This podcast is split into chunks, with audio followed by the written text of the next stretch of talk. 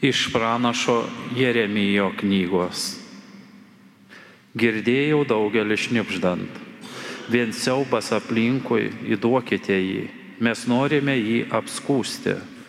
Artimiausi mano pažįstami laukia, be ne aš pargriūsiu. Galbūt jis apgaunamas duosis, tada mes prie jo prieitume ir jam atsikeršytume.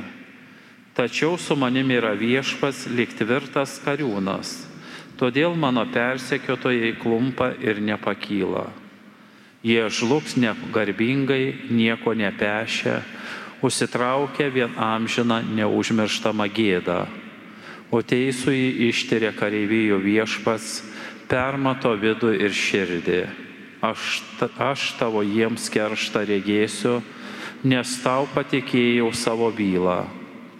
Gėdokite viešpačiui, šlovinkite viešpatį jis gelbi varguolio gyvybę iš nedorelių rankų. Tai Dievo žodis.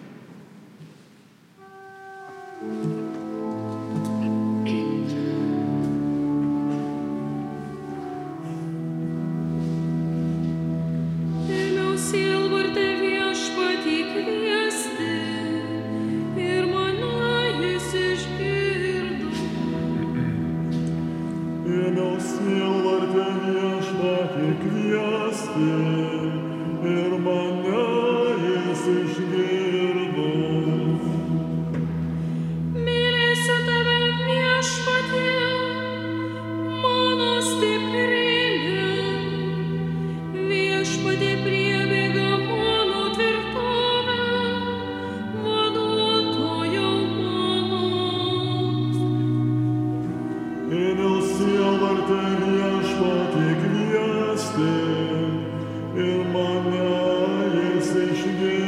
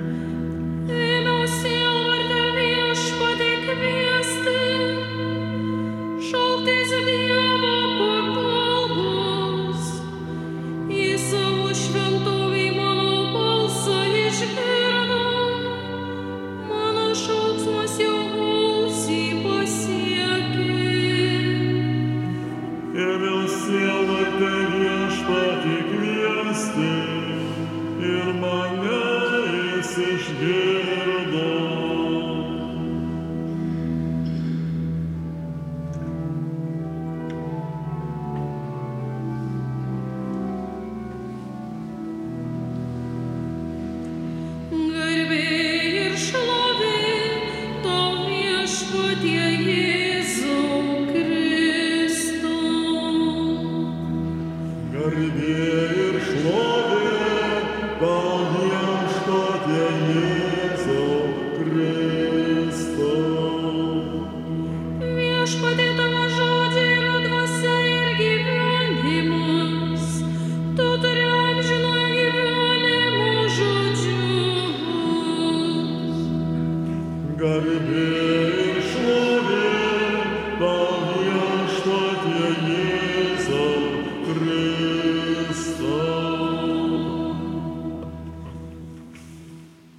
Viešpat su jumis.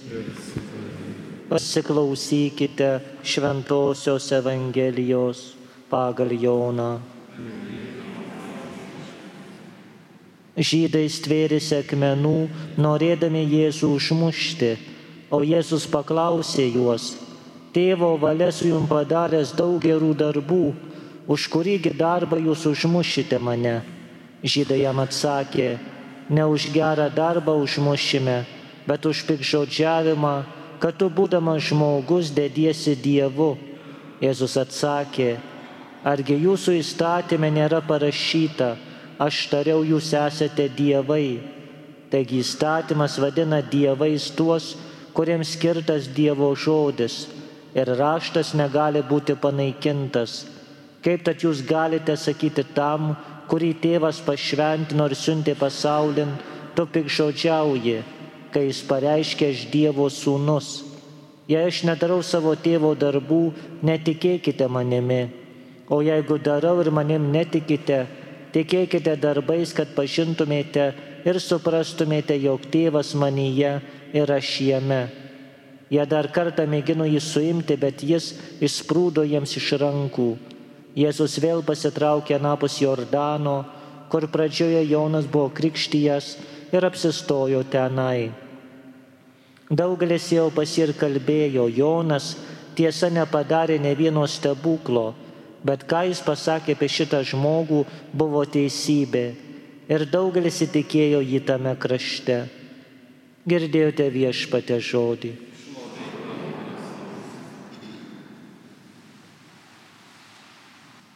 Kuo arčiau didžioji savaitė, Velykų tridienis, tuo labiau Evangelijoje skambas grėsmingesni žodžiai ir netgi veiksmai.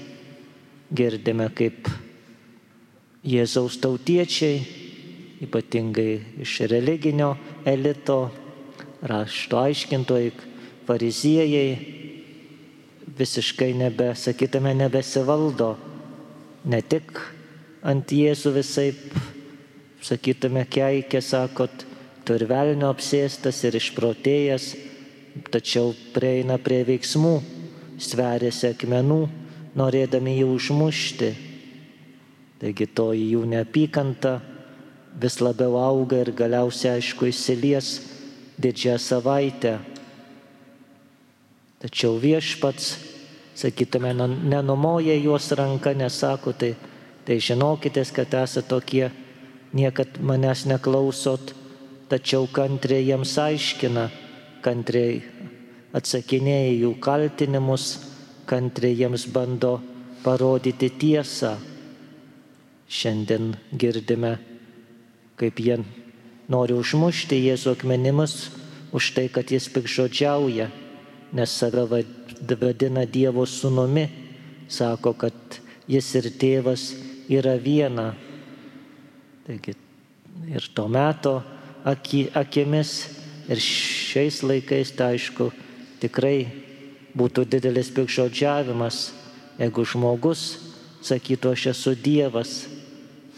Tačiau Jėzus atsako, sako, žiūrėkite į mano darbus, žiūrėkite tuos stebuklus, kuriuos aš darau, į tuos visus kitus mano kalbas, spręskite pagal tai, kaip pats, kaip pats yra sakęs, kad medis pažįstamas iš vaisių.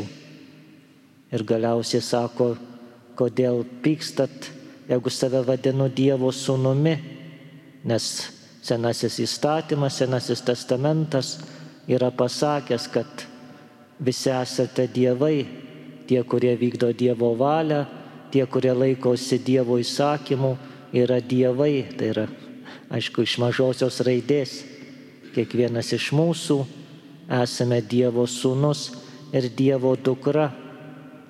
Kiekvienam iš mūsų yra tas paskirtas, sakytume, užduotis, tikslas, ką, ką ir bažnyčios tėvai sakydavo, kad žmogaus tikslas yra sudėvėti.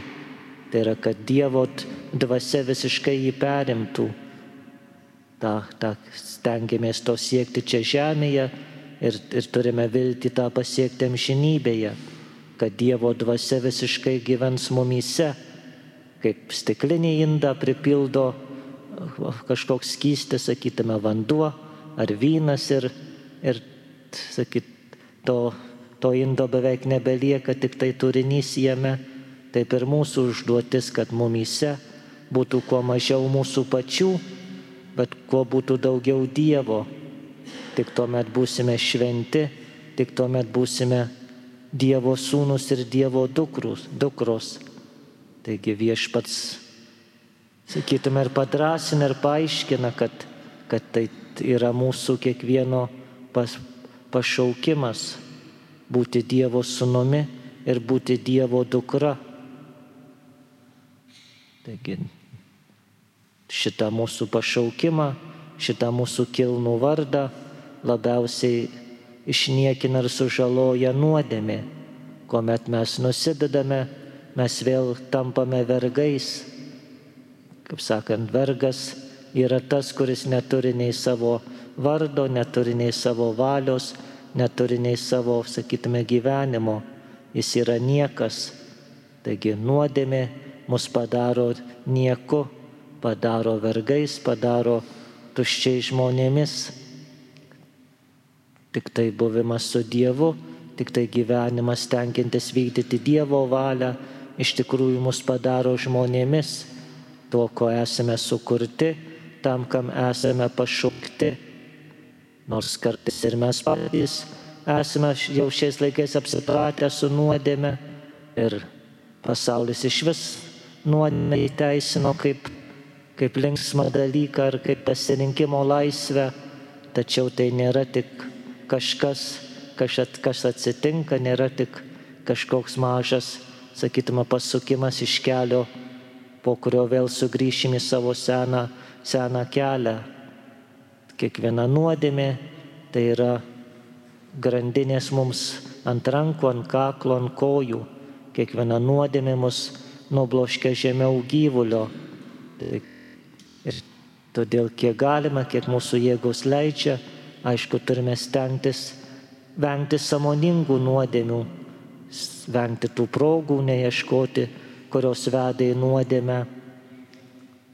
Tos nuodėmės, kurios mūsų ištinka kartais dėl mūsų silpnumo, dėl, dėl aplinkybių, svarbiausia, kad jomis nesidžiaugtume, kad su jomis neapsiprastume, svarbiausia, kad norėtume taisytis, tol kol žmogus keliasi, kol žmogus taisosi, kol žmogus savo širdie nepritarė savo poelgiam, tol jame yra vilties ir tol viešpats jam tiesia ranką. Galbūt tie, kurie klausydami Jėzaus stvėrėsi akmenų, norėdami jį užmušti, galbūt po kurio laiko mušėsi į krūtinę ir tapo jo mokiniais.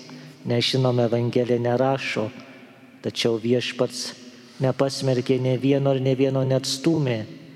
Jisai leido jiems taisytis, leido kilti ir eiti pirmin. Taigi ir mes būkime, sakytume, protingi ir drąsūs tuo pasinaudot.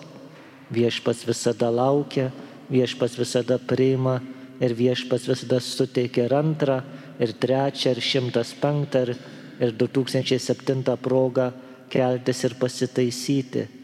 Tad niekuomet nepavarkime keltis, niekuomet nepavarkime žengti pirmin. Amen.